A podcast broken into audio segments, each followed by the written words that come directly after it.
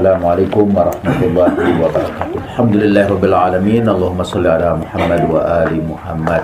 Saya ingin uh, mulai dengan beberapa tulisan para ulama mutaakhir tentang wasiat Rasulullah Shallallahu alaihi wasallam kepada Imam Ali.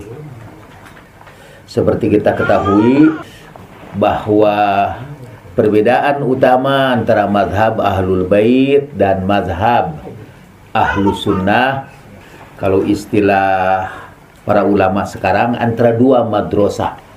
Dua-duanya madrasah keluaran Rasulullah Shallallahu Alaihi Wasallam. Satu madrasah ahlul bait dan satu lagi madrasah para khalifah madrasah para sahabat. Yang membedakan di antara kedua madrasah itu ialah Madrasah Ahlul Bait berpendapat bahwa Nabi Shallallahu Alaihi wa meninggalkan wasiat, menunjuk khalifah sesudahnya.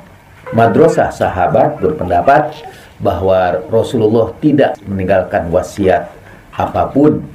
Bahkan lucunya bukan saja tidak meninggalkan wasiat penunjukan khalifah, bahkan juga tidak meninggalkan wasiat berupa kekayaan apa pun. Karena katanya semua kekayaan Rasulullah itu pokoknya menjadi sodako. Mereka buktikan bahwa Rasulullah memang tidak punya apa-apa untuk diwasiatkan dalam bentuk kekayaan. Ada buku tentang tirkatun Nabi, peninggalan Nabi. Dan ternyata Nabi itu cukup kaya juga. Beliau punya tanah fadak beberapa hektar itu tanah pada yang diperuntukkan beliau untuk keluarga. Kun beliau sudah melihat ke masa depan bahwa kekuatan ekonomi ahlul bait ini harus diperkokoh. Betapapun banyaknya pengikut Nabi yang ikhlas, lebih banyak lagi pengikut Nabi yang tidak ikhlas. Maksudnya yang mudah dibeli dengan kekayaan.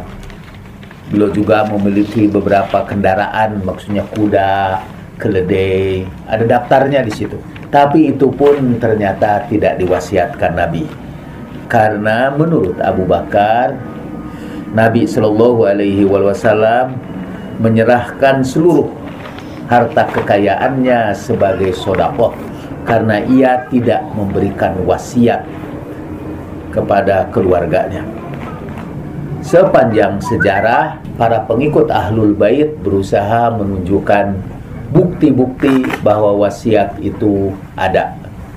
Sepanjang sejarah madrasah sahabat berusaha membuktikan bahwa wasiat itu tidak ada. Para sahabat pun terbagi dua. Para sahabat yang mengikuti madrasah Ahlul Bait dan para sahabat yang mengikuti madrasah sahabat. Seperti disebutkan dalam Bukhari, Zakaru inda Aisyah anna aliyan kana wasiya. Disebut-sebut di hadapan Aisyah, Imam Ali itu adalah wasi, penerima wasiat. Faqalat Aisyah berkata, "Mata auso ilaih?" Bagaimana Rasulullah berwasiat kepada Ali?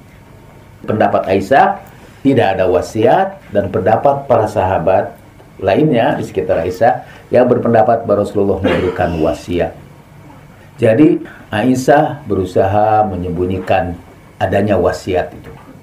Menurut Madrasah Ahlul Bait sampai beberapa ulama tabi'in antara lain Talhah bin Musarrif salah seorang ulama tabi'in dari Kufah dia tanya kepada Abdullah bin Abi Aufa apakah Rasulullah berwasiat tidak kata dia Kenapa di dalam Al-Quran kita diperintahkan untuk berwasiat, tapi Nabi sendiri tidak melaksanakannya? Kata Abu Aufa, oh iya Nabi berwasiat, tapi berwasiat agar kita berpegang kepada kitab Allah. Padahal yang ditanyakan itu bukan wasiat, wasiat seperti itu, tapi wasiat menunjuk khalifah sesudah. Dalam Bukhari dan Muslim, hadisnya hanya sampai ia emang berwasiat. Auso bi kitabillah. Ia berwasiat dengan kitab Allah. Di dalam Musnad Ahmad di dalam Musnad Abu Awanah di dalam Sunan Ad-Darimi di dalam Sunan Ibnu Majah ternyata setelah ia berwasiat dengan kitabullah itu ada tambahan orang-orang sebetulnya bertanya tentang wasiat kepada Imam Ali. Jadi hadis itu hubungannya itu. Tapi dalam Bukhari dan Muslim tidak ada bagian kedua orang-orang bertanya bertanya tentang wasiat Rasulullah kepada Imam Ali. Dan ada tokoh di situ namanya Asyurahbil yang berkata Abu Bakar ia ta'ammar ingin menguasai. Dalam terjemahan Indonesia di Lidwa disebutkan di situ Abu Bakar melakukan konspirasi. Ta'ammaro itu kayaknya dia baca ta'amaro. Ada hubungan dengan mu'amaroh sebetulnya teksnya ta'ammar sama dengan wazan ta'allama. Kata kamus itu takabbaru ala au tasallatu ala. Abu Bakar ingin menaklukkan wasi Nabi Shallallahu Alaihi Wasallam dan dia ingin sekali supaya dia pun memperoleh wasiat dari Nabi Shallallahu Alaihi Wasallam tapi dia tidak mendapatkannya itu di situ penjelasannya. Jadi itu konflik tentang wasiat yang pertama, yaitu di zaman Abu Bakar. Umar pun mengakui kepada Ibnu Abbas ketika ia tanya apa yang sedang dilakukan oleh saudara sepupu kamu itu, maksudnya Imam Ali. Saudara sepupu Abbas lainnya yang mengaku bahwa dia penerima wasiat Nabi.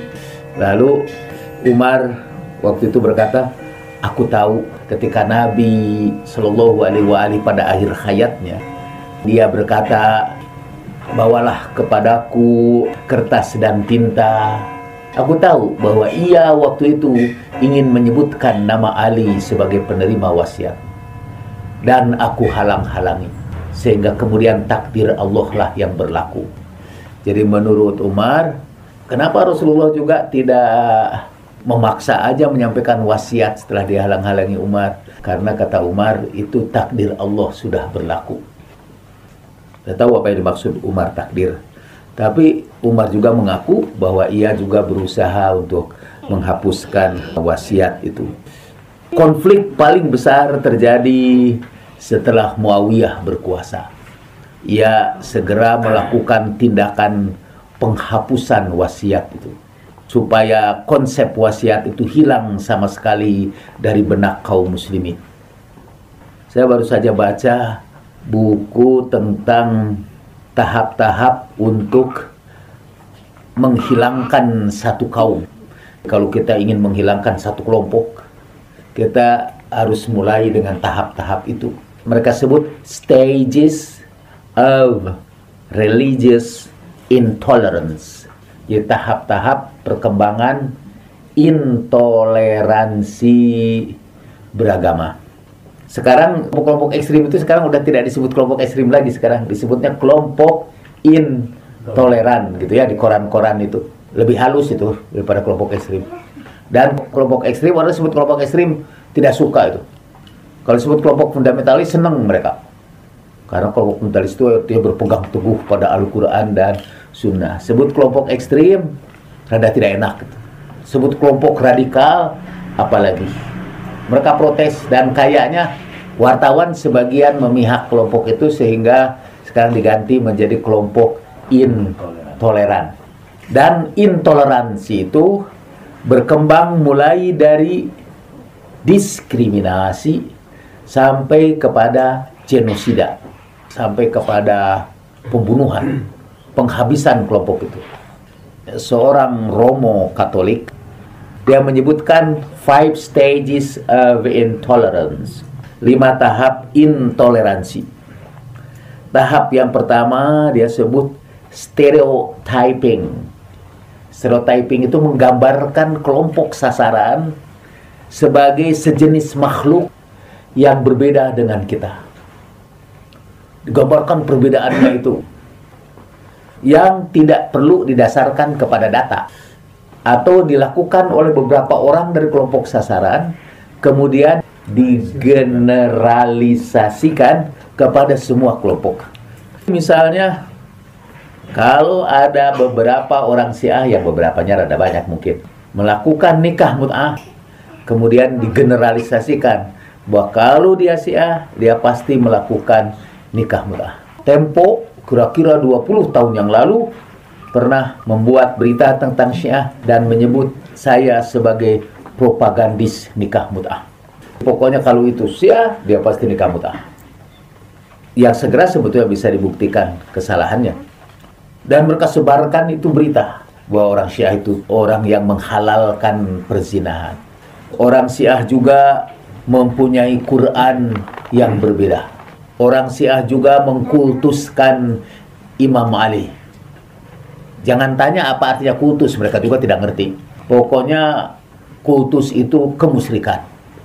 Dan orang Syiah mengkultuskan Imam Ali.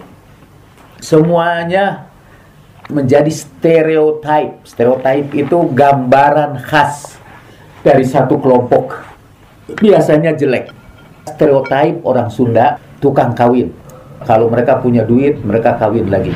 Sekali lagi itu generalisasi. Deden misalnya gajinya naik dan tidak kawin lagi. Orang Batak, apa stereotype orang Batak? Keras dan nyopet. kalau sendirian mereka metik gitar, kalau berdua mereka main catur, kalau tiga orang mereka merampok. Yang pinter jadi pengacara, yang bodoh jadi sopir angkot. Itu semua stereotype ya. Berapa waktu yang lalu saya diundang oleh kelompok pengajian Batak Islam. Pak Sirgar yang mengundang saya. Arifin Sirgar pasti kenal ya. Mereka orangnya baik-baik gitu tidak ada satupun pencopet, tidak ada satupun di antara mereka pinter main gitar. Tidak seorang pun di antara mereka jadi supir karena mereka bodoh. Mungkin ada berapa di antara mereka yang pengacara, tapi tidak semuanya pengacara. Tapi namanya stereotip biasanya dikenakan kepada semua anggota kelompok. Dan Syiah adalah kelompok yang sudah memperoleh stereotyping sejak awal. Kedua, vilifying artinya menggambarkan kelompok sasaran sebagai orang jahat menimpakan ke mereka tuduhan-tuduhan yang tidak benar. Bahwa mereka itu mencaci maki sahabat Nabi. Mereka adalah orang-orang jahat yang menghina agama. Untuk itu kalau perlu mereka diteguhkan sebagai orang yang berdosa. Dan yang ketiga, criminalizing, mengkriminalisasikan. Menganggap bahwa kelompok sasaran itu para penjahat yang harus dipenjarakan, yang kalau kita biarkan mereka berkeliaran atau gentayangan di tengah-tengah masyarakat, akan terjadi kekacauan dan kehancuran masyarakat. Itu criminalizing. Sekarang yang kelimanya, persecuting. Persecuting itu artinya dikejar-kejar, dicari-cari, dianiaya, dizalimi, persecuting. Semua itu dikenakan sama orang-orang Syiah. Jadi Muawiyah pernah menerbitkan begitu selesai perjanjian dengan Imam Hasan salamullahi alaih segera sesudahnya ia menerbitkan sebuah keputusan di antara perjanjian dengan Imam Hasan itu ialah Imam Hasan mau berdamai dengan syarat hentikan kecaman terhadap Imam Ali. Kecaman, cacian, makian atau pendiskreditan terhadap Imam Ali. Muawiyah menandatangani perjanjian itu, tapi segera setelah itu kata dia sendiri, aku injak-injak perjanjian itu di bawah kakiku. Kemudian dia membuat peraturan, di antara peraturannya itu yang pertama yang kita bicarakan hari ini ialah sebarkan kecaman terhadap Imam Ali di seluruh mimbar. Mimbar-mimbar ketika orang berkumpul bersama, mimbar haji, mimbar Jumat, mimbar pengajian. Sekarang ada istilah sosiologisnya yang terkenal public sphere. Jadi pada setiap public sphere harus dilakukan pelaknatan terhadap Imam Ali dan itu berlangsung sampai kepada Umar bin Abdul Aziz. Saya akan cerita di ujungnya aja. Ketika Umar bin Abdul Aziz, Umar bin Abdul Aziz itu punya seorang guru yang sangat pintar. Ayahnya kan Abdul Aziz. Abdul Aziz itu juga khalifah. Dia pernah melaporkan, ayah kata, ayah itu orang yang sangat fasih berbicara. Tapi kalau sudah sampai ke ujung khutbah, lidah ayah itu seperti kacau balau ketika ia melaknat Imam Ali. Kenapa? Wahai anakku, sekiranya orang yang berada di depanku itu tahu siapa Ali bin Abi Thalib itu, kita tidak akan memiliki kekuasaan ini. Mereka akan membenci kita.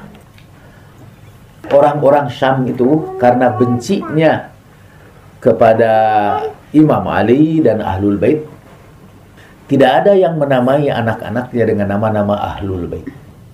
Di dalam Murujul Zahab ada kisah orang baru masuk Islam, kemudian dia ikut sholat Jumat.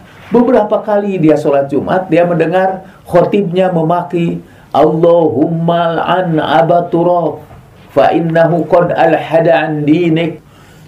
Selalu itu dicaci maki Abu Turab itu. Jadi dia tanya kepada orang sudah lama Islamnya. Orang-orang Damaskus di situ yang juga kayaknya tidak tahu juga Abu Turab itu siapa karena itu tradisi aja.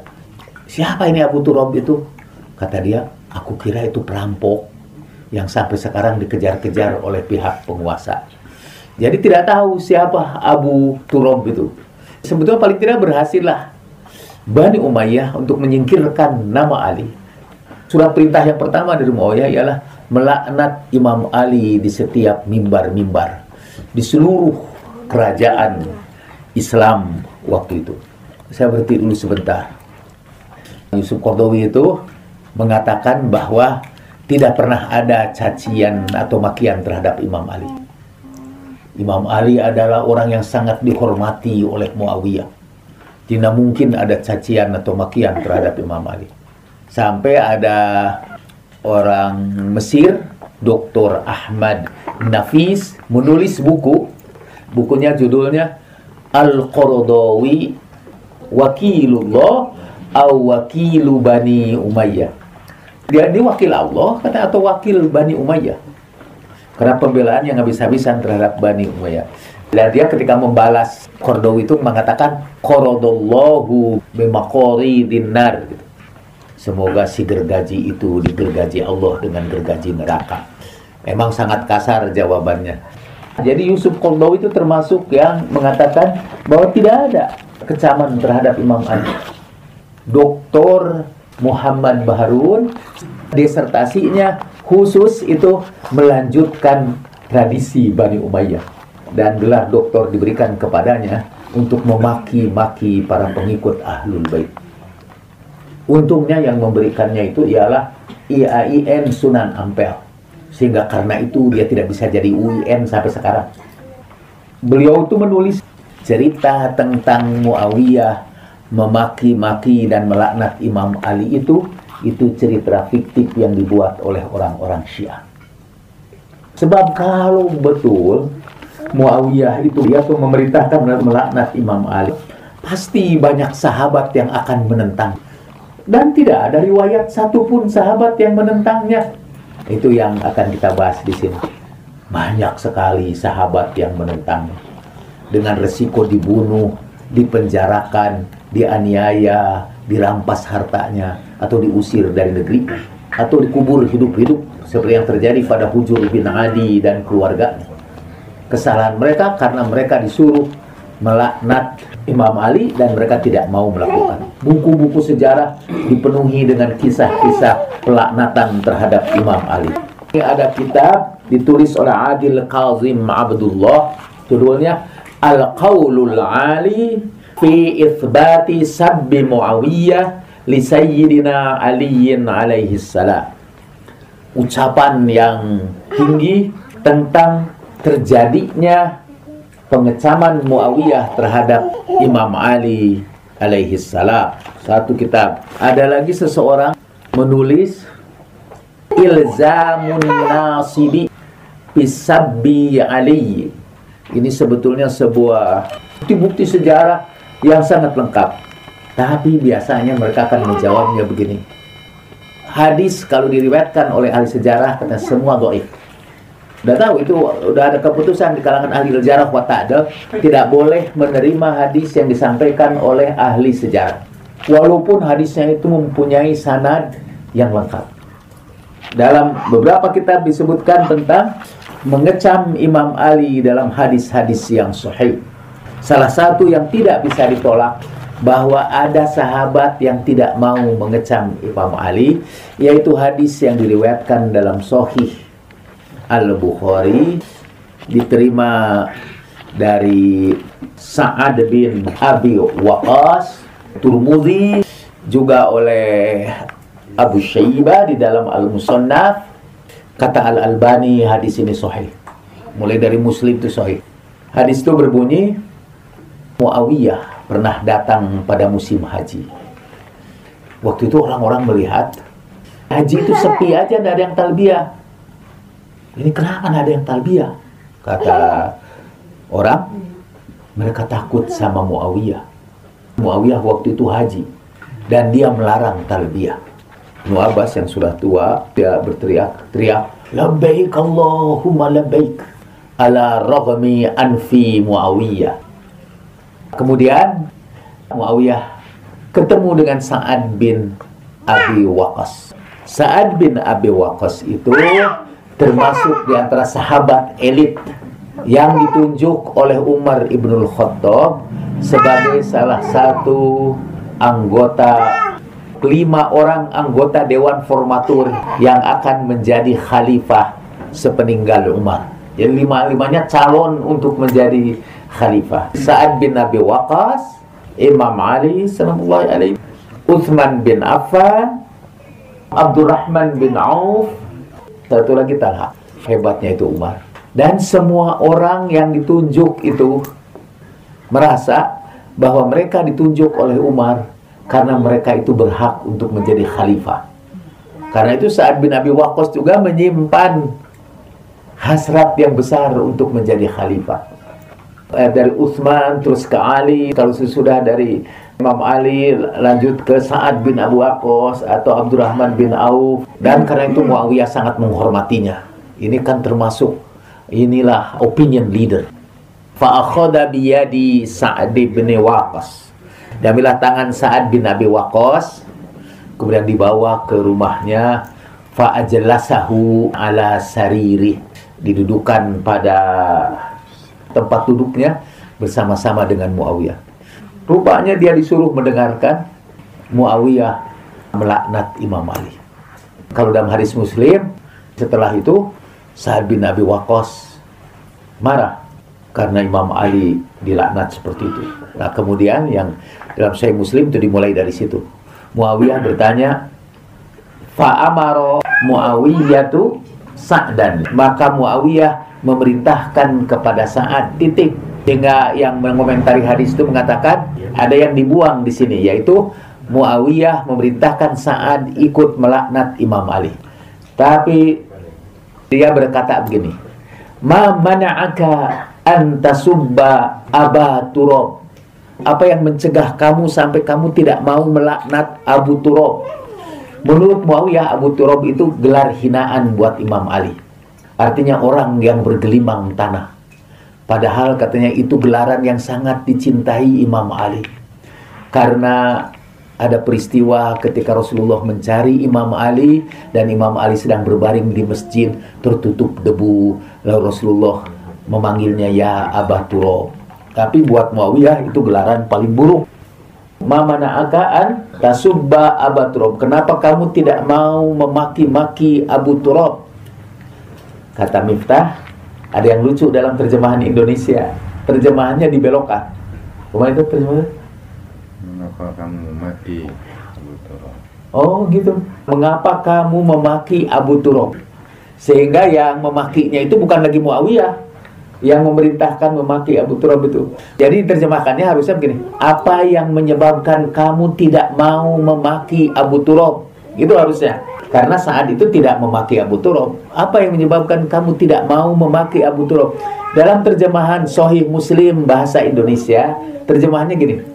Mengapa kamu memaki Abu Turab? Karena itu artinya. Itu di dalam istilah ilmiah disebut tahrif. Tahrif itu artinya menerjemahkan sehingga artinya berubah. Untuk apa penerjemah itu? Dan dia tahu pasti itu salah. Dia ngerti bahasa Arab kok. Mama apa yang mencegah kamu? Tapi dia tahu, kemudian diganti. Mungkin dia ingin melindungi Muawiyah lebih besar daripada melindungi Sa'ad bin Abi Waqqas. Walaupun nanti pembaca yang kritis, untungnya para pembaca hadis kita kan tidak boleh kritis. Karena kalau ini udah hadis, kita harus terima aja. Menolak hadis berarti kafir. Kalau kritis tidak nyambung itu. Muawiyah memerintahkan Sa'ad dan berkata, "Kenapa kamu memaki Abu Turab?" Kemudian jawabannya, "Karena tiga hal. Kalau satu saja ada padaku, itu lebih baik daripada segala dunia dan segala isinya. Ma tola'ati syams itu lebih baik dari semua yang diterangi oleh cahaya mentari. Dari semua yang ada di dunia ini, kalau satu aja yang ada pada Ali aku miliki, itu lebih baik dari semua yang disinari cahaya matahari. Seluruh dunia dengan segala isinya. Dalam riwayat Al-Bidayah wa Nihayah, itu diulang-ulangi saat berapa step. Sekiranya Nabi berkata kepadaku, seperti yang ia katakan kepada Ali pada perang Tabuk. Kedudukanmu terhadapku sama seperti kedudukan Harun terhadap Musa. Itu lebih baik dari seluruh bumi dan segala isinya. Kenapa kamu mengecam Abu Tiro? Yaitu Imam Ali. Karena Imam Ali memperoleh tiga kehormatan itu. Kan itu tidak nyambung. In kuntum ta'qilun mal asab anda la. Yang kedua, tapi saya menyebut yang ketiganya aja dulu. Sekiranya aku menjadi menantunya Rasulullah Shallallahu Alaihi wa alih, dan menikahi putrinya, kemudian mempunyai anak darinya, itu lebih aku cintai daripada seluruh dunia dan segala isinya. Terus oh yang keduanya Tadi yang ketiga. Yang keduanya ya, sekiranya Rasulullah berkata kepada aku seperti apa yang ia katakan sebelum menyerahkan bendera kepada Imam Ali dalam perang Khaybar. Besok akan aku serahkan benderaku kepada orang yang mencintai Allah dan Allah mencintainya. Itu aja satu itu sudah cukup. Nah, ini satu bukti bahwa Sa'ad bin Abi Waqqas menentang juga proses pemaki-makian terhadap Imam Ali. Dan setelah itu kata kemudian fajarra ridaah dia menarik jubahnya meninggalkan tempat itu. Itu salah satu contoh. Kalau sudah ingin tahu siapa aja sahabat yang menentang pelaknatan Imam Ali dan apa risikonya ada banyak tapi saya akan menutup dengan kisah yang sebetulnya kemudian populer di kalangan kaum muslimin kisah tentang 10 orang yang dijamin masuk surga. Itu diriwayatkan dari Said bin Qais. Sampai kita tidak hafal yang ke-10 kan?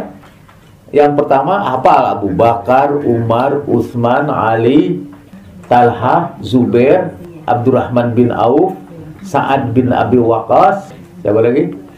Kalau dikumpulkan seluruh hadis, jumlahnya malah 12. Di antara mereka itu yang 10 dimasuk surga itu Eh, semuanya kata orang Syiah yang intoleran. Katanya mungkin yang pasti masuk surganya cuma Imam Ali aja. Tapi menurut saya semuanya masuk surga. Jangankan mereka, kita semua juga insya Allah satu saat masuk surga. Tapi transit dulu di neraka. Muawiyah itu mengirimkan orang ke Kufah. Namanya Su'bah bin Mughirah. Mughirah bin Su'bah dikirim. Tugasnya ialah menyebarkan makian kepada Imam Ali di mimbar-mimbar dan dia mendapat perlawanan. Orang yang pertama kali melawan itu ialah Hujur bin Adi dan keluarganya dan sahabat-sahabatnya. Dikirim ke Madinah, orang-orang Madinah menolaknya, ke Kufah, ke Sam, ke Madinah itu kota besar waktu itu. Nah ceritanya mungkin kalau saya ada salah di Kufah atau di Madinah lah, pokoknya di antara dua tempat itu. Seseorang namanya bagus juga itu walinya Muawiyah itu pokoknya Fulan bin Zolim jadi nama ayahnya itu namanya Zolim Fulan bin Zolim kemudian dia memberikan khutbah dan mencaci maki Imam Ali dalam ujung khutbah. Kemudian Sa'id bin Qais ini mundur dan dia panggil kawan, tahukah kamu bahwa yang dilaknat ini adalah salah seorang yang dijamin Tuhan masuk surga. Oh gitu kata. Dia termasuk 10 orang yang dijamin masuk surga. Itu sebetulnya karena dia tidak tega aja. Kalau disebutkan Imam Ali itu yang menerima wasiat, dia sendiri bakal ditangkap. Jadi dia mencari jalan supaya dia bisa ngomong, tapi bisa diterima oleh penguasa waktu itu dan tidak dianggap melanggar peraturan. Tahukah kamu bahwa Ali itu salah seorang di antara 10 orang yang dijamin masuk surga. Oh siapa itu yang 10 itu? Kata gitu orang itu tanya. Dan dia mungkin mulai mikir juga ini kan. Harus menghitung, dia harus milih 10 itu. Tapi mula-mula dia bacakan hadis. Pernah dua orang sahabat Nabi berdiri di atas puncak bukit. Dan kemudian bukit itu berguncang. Kemudian Nabi menginjakkan kakinya di bukit itu dan berkata, Diamlah kamu karena di atas kamu ada As-Siddiq dan Al-Faruq. Oh, dia tidak menyebutkan sepuluh sebetulnya. Dia termasuk sembilan yang dijamin masuk surga. Dan kalau aku tidak menyebut yang ke sepuluh, aku tidak berdosa. Falam itham, kata gitu. Sampai kemudian ada penjelasan, itham sebetulnya adalah lahan. Dalam bahasa Arab sebetulnya harusnya dikatakan falam athim. Jadi kalau aku tidak sebut yang ke sepuluh, aku tidak akan berdosa kata dia. Kemudian dia bawakan itu. Jadi tentang Abu Bakar dan Umar yang katanya sampai bukit dia karena di atasnya itu ada As-Siddiq dan Al-Faruq. Orang itu masih tanya juga. Yang sembilan itu siapa? Seperti itu. Kemudian setelah Abu Bakar dan Umar itu mana lagi yang lainnya? Katanya sembilan itu dia sebutkanlah tadi tokoh-tokoh elit sahabat Abu Bakar, Umar, Utsman, Ali, Sa'ad bin Nabi Waqas, Abdurrahman bin Auf, Talha, Zubair, sampai yang kesembilan itu Sa'ad bin Ubadah, itu tokoh Ansor, sampai dia sebut gitu. Terus orang itu bertanya, karena kebanyakan itu muhajir. Kemudian sembilan sembilan sudah. Manil ashir? Siapa yang sepuluh? Kemudian dia menarik nafas rada panjang. Lalu dia berkata, anak. Dan sampai sekarang itu yang ke-10 itu tidak populer. Yang lain-lainnya populer. Sampai ada seorang penulis Mesir menulis kitab Al-Asharah Al-Mubasharah. 10 yang dijanjikan masuk surga. Tentang Abu Bakar panjang ceritanya. Tentang Umar panjang, Utsman, Ali panjang. Sampai pada yang ke-10 ceritanya cuma sedikit aja. Yaitu bahwa dia meriwayatkan 10 orang yang dijamin masuk surga. Tidak ada prestasinya dalam perang Uhud, dalam perang ini, atau meriwayatkan hadis apa. Nggak ada prestasinya. Satu-satunya prestasi dia ialah meriwayatkan hadis itu. Sehingga bagian yang ke-10 itu jadi hanya beberapa lembar aja. Itu juga mungkin dia mencarinya dengan susah payah. Melacak siapa orang yang tidak dikenal itu. Tapi peristiwa itu juga mengajarkan kepada kita bahwa peristiwa pelaknatan Imam Ali itu betul-betul terjadi. Sebagaimana terbukti dalam hadis yang dianggap soheh tentang 10 orang yang masuk surga. Kalau sudah sedikit berlanjut sebetulnya hadis itu juga doaif. Kalau kita menggunakan ilmu jarah wa ta'dil. Tapi udah kita anggap sahih aja. Yang sahihnya itu bukan 10 orang yang dijamin masuk surga itu. Yang sahihnya itu bahwa pada waktu itu terjadi pelaknatan terhadap Imam Ali. Oke. Kalau ada pertanyaan, silakan. Ceritanya waktu itu dan Ibnu Abbas berangkat ke Syam bersama rombongan mau menemui Muawiyah. Tiba-tiba ia mendengar Muawiyah takbir dengan suara yang keras. Allahu Akbar, Allahu Akbar. Dan dia menganjurkan semua orang di negeri itu semua takbir. Dan dia bertetangga dengan seorang perempuan dari Bani Hashim. Lalu perempuan itu tanya, Kenapa kamu takbir? Kelihatannya kau bahagia benar. Ya Amirul Mukminin aku baru mendengar bahwa Hasan meninggal dunia. Dan memang dia meninggal dunia karena diracun oleh Ja'dah istrinya atas perintah Muawiyah. Jadi dia mungkin meninggal tidak lama setelah perjanjian itu. Dan di sini ada beberapa riwayat ketika Imam Hasan sallallahu alaihi menentang pelaknatan Imam Ali. Di hadapan Imam Hasan, Imam Ali dilaknat. Bahkan pernah di mimbar Rasulullah Shallallahu Alaihi Wasallam, Imam Ali dilaknat di hadapan putranya sendiri dan Imam Hasan pernah berdiri langsung. Kata Imam Hussein juga malas Sallallahu Alaihi pernah menurunkan orang dari mimbar itu. Pernah ada beberapa bahkan diabadikan oleh para penulis Arab karena ketinggian balaghahnya ketika seorang bicara melaknat Imam Ali kemudian Imam Hasan menyampaikan bantahannya dengan kalimat-kalimat yang indah dan diabadikan oleh para ahli sejarah hatta di dalam kitab-kitab tentang al-adab, kitab-kitab tentang sastra Arab. Jadi Imam Hasan ikut menentang itu. Pada zaman Marwan bin Hakam, Marwan bin Hakam waktu itu gubernur ya yang diangkat oleh Muawiyah di Madinah. Dan dia memulai itu tradisi kultum itu dari Marwan bin Hakam. Sebelum salat maghrib, sekarang dilanjutkan oleh Salman, terus dilanjutkan oleh masjid-masjid Jakarta, Masjid Sunda Kelapa, itu ada. Marwan bin Hakam itu gunakan kesempatan sebelum sholat ketika orang berkumpul untuk melaknat Imam Ali. Jadi Imam Hasan Sallallahu Alaihi yang ikut mendengarkan laknat itu karena Imam Hasan juga salat berjamaah dengan Marwan bin Hakam. Karena itu Imam Khumaini ridwanullahi taala ketika ditanya bolehkah kita salat berjamaah di depan uh, ahlu sunnah. Lalu Imam Khumaini menyebutkan hadis bahwa Imam Hasan juga pernah salat di belakang Marwan bin dan Marwan waktu itu mencaci maki Imam Hasan. Setelah itu Imam Hasan menunggu sampai yang tujuh menit itu berlalu. Mungkin bilangannya tidak tujuh menit ini. Karena dalam hadis tidak disebutkan catatan lama. Jadi dia menunggu sampai waktu sholat. Tapi dasar Marwan, si cecak, anak si cecak. Dan gitu kata Rasulullah. Al-Wazag ibnul Wazag. Dia tunggu Imam Hasan sampai datang. Jadi dia belum memulai sholatnya. Karena dia jadi imam. Dia belum memulai sholatnya sebelum Imam Hasan datang. Dan Imam Hasan tetap datang. Hanya sekedar contoh bagi umatnya di kemudian hari betapa kita harus bersabar menghadapi mereka walaupun mereka tidak bersabar menghadapi kita kita kata Imam Ja'far As-Sadiq ya.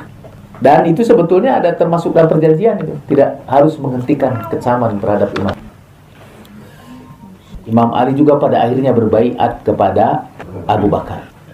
Juga berbaiat kepada Umar. Kalau argumentasinya bukankah Imam Ali itu maksud kalau dia maksum, mestinya dia tidak berbaikat kepada orang yang merampas haknya. Kita harus terpaksa menjelaskan kepada dia apa maksum. Maksum dia terpelihara dari dosa.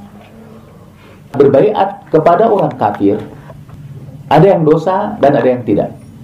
Bahkan meninggalkan keislaman di hadapan orang-orang yang memaksa kita. Bisa dosa dan bisa tidak. Ketika Ammar bin Yasir dipaksa mengucapkan kata-kata kufur Turunlah ayat Al-Quran Illa man ukriha wa qalbuhu mutmainnun bil iman Kecuali kalau orang terpaksa Padahal hatinya tetap beriman Itu tidak dosa Imam Ali mungkin tidak boleh berbaikat kepada orang yang zalim. Mungkin untuk menjelaskan ini Imam Ali pernah bersabda kepada para pengikutnya nanti kalian akan disuruh untuk memaki-maki aku. Padahal Nabi sudah berkata, Man sabba aliyan faqad sabbani. Siapa yang mengecam Ali, dia mengecam aku. Faman sabbani faqad kafar. Siapa yang mengecam aku, dia kafir. Mengecam Imam Ali itu kafir. Sama dengan mengecam Rasulullah. Mengecam Rasulullah itu kafir. Dan Imam Ali berkata kepada para pengikutnya, nanti kamu akan disuruh memaki-maki aku makilah aku. Tapi jangan kamu tinggalkan agamaku. Janganlah kamu tabarak. Janganlah kamu berlepas diri dari agamaku. Artinya dengan lidah boleh kamu secara lahir untuk mengecam aku. Kecam aku. Tapi maksud Malik, hatimu tetap tidak boleh meninggalkan aku. Itu artinya ini nih kan mengecam Imam Ali itu kafir. Kenapa Imam Ali menyuruh sahabatnya mengecam Imam Ali kalau nanti dipaksa? Karena kali ini mengecam Imam Ali itu tidak lagi kekafiran. Karena untuk memelihara iman di dalam hatinya. Dan kenapa Imam Ali itu berjanji berbaiat juga pada akhirnya dengan Abu Bakar? Karena ia ingin memelihara persatuan di kalangan kaum muslimin. Saya masih tetap terkenang dengan ucapan duta besar, nggak tahu dari mana. Jadi dulu kepada Imam Ali itu pernah datang dua orang perempuan membawa satu orang anak. Kedua perempuan itu mengaku sebagai ibunya. Minta agar diadili oleh Imam Ali. Oleh kalangan ahlu sunnah, Imam Ali itu dipindahkan kepada Nabi Daud. Tidak dipindahkan kepada Umar atau Abu Bakar, mungkin nggak nyampe ke situ. Sampai kepada Imam Ali, dua-duanya mengaku ini anak, ini anakku. Lalu Imam Ali mengambil pedang. Aku akan pecah anak ini menjadi dua dan aku bagikan kepada kalian. Seorang perempuan menjerit lebih keras lagi. Ya Amirul Mukminin, biarkan ambil saja sama dia. Dia bukan anakku. Perempuan itu membatalkan menuntut hak. Lalu kata Imam Ali, saya berikan anak ini kepada kamu. Karena seorang ibu tidak tega anaknya dibelah.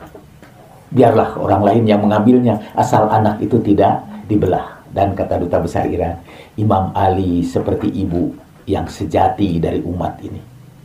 Dia lebih memilih tidak mengakui haknya ketimbang umat ini harus pecah belah. Kalau itu belum bisa juga meyakinkan nih, keluarga Anda, ya saya tidak punya lagi argumentasi yang lain.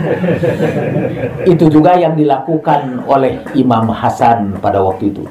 Ketika ayahnya dicaci maki, ketika umatnya pecah belah, ketika darah ditumpahkan dengan tak semena-mena, Imam Hasan ingin mendamaikan umat yang pecah belah ini. Paling tidak dengan perjanjian itu terlindunglah mungkin ratusan ribu darah yang tidak ditumpahkan lagi. Itu jauh lebih berharga daripada tetap mengaku haknya terang-terangan. Tapi hatinya saya percaya Imam Hasan tidak menerima itu. Dia hanya bayat ini aja deh. Keluarga Anda diajarin, harus diajarin tentang apa makna takiyah. Takiyah adalah upaya untuk memelihara kemaslahatan yang bersifat umum. Dan orang sering kali menuduh takiyah itu sebagai teknik kemunafikan orang-orang Syiah. Enggak, takiyah itu punya makna yang luhur. Kita dahulukan kepentingan umat daripada kepentingan yang sementara. Yang kedua, kita bisa menunjukkan secara lahiriah apa yang secara batiniah kita setujui. Bedanya kalau ada orang tanya, kalau gitu apa bedanya dengan munafik? Oh beda banget. Takiyah itu menyembunyikan keimanan dan menampakkan kekafiran. Imam Hasan itu bayat, padahal di dalam hatinya dia sembunyikan keimanan. Menyembunyikan keimanan dan menampakkan kekafiran. Munafik ialah menampakkan keimanan. Padahal dalam hati kalian ada kekufuran. Kalian menolak wasiat, tapi kalian tampakkan keimanan. Padahal kutiba alaikum idha hadara ahadakumul mautu in taraka khairan al wasiyatu lil aqrabin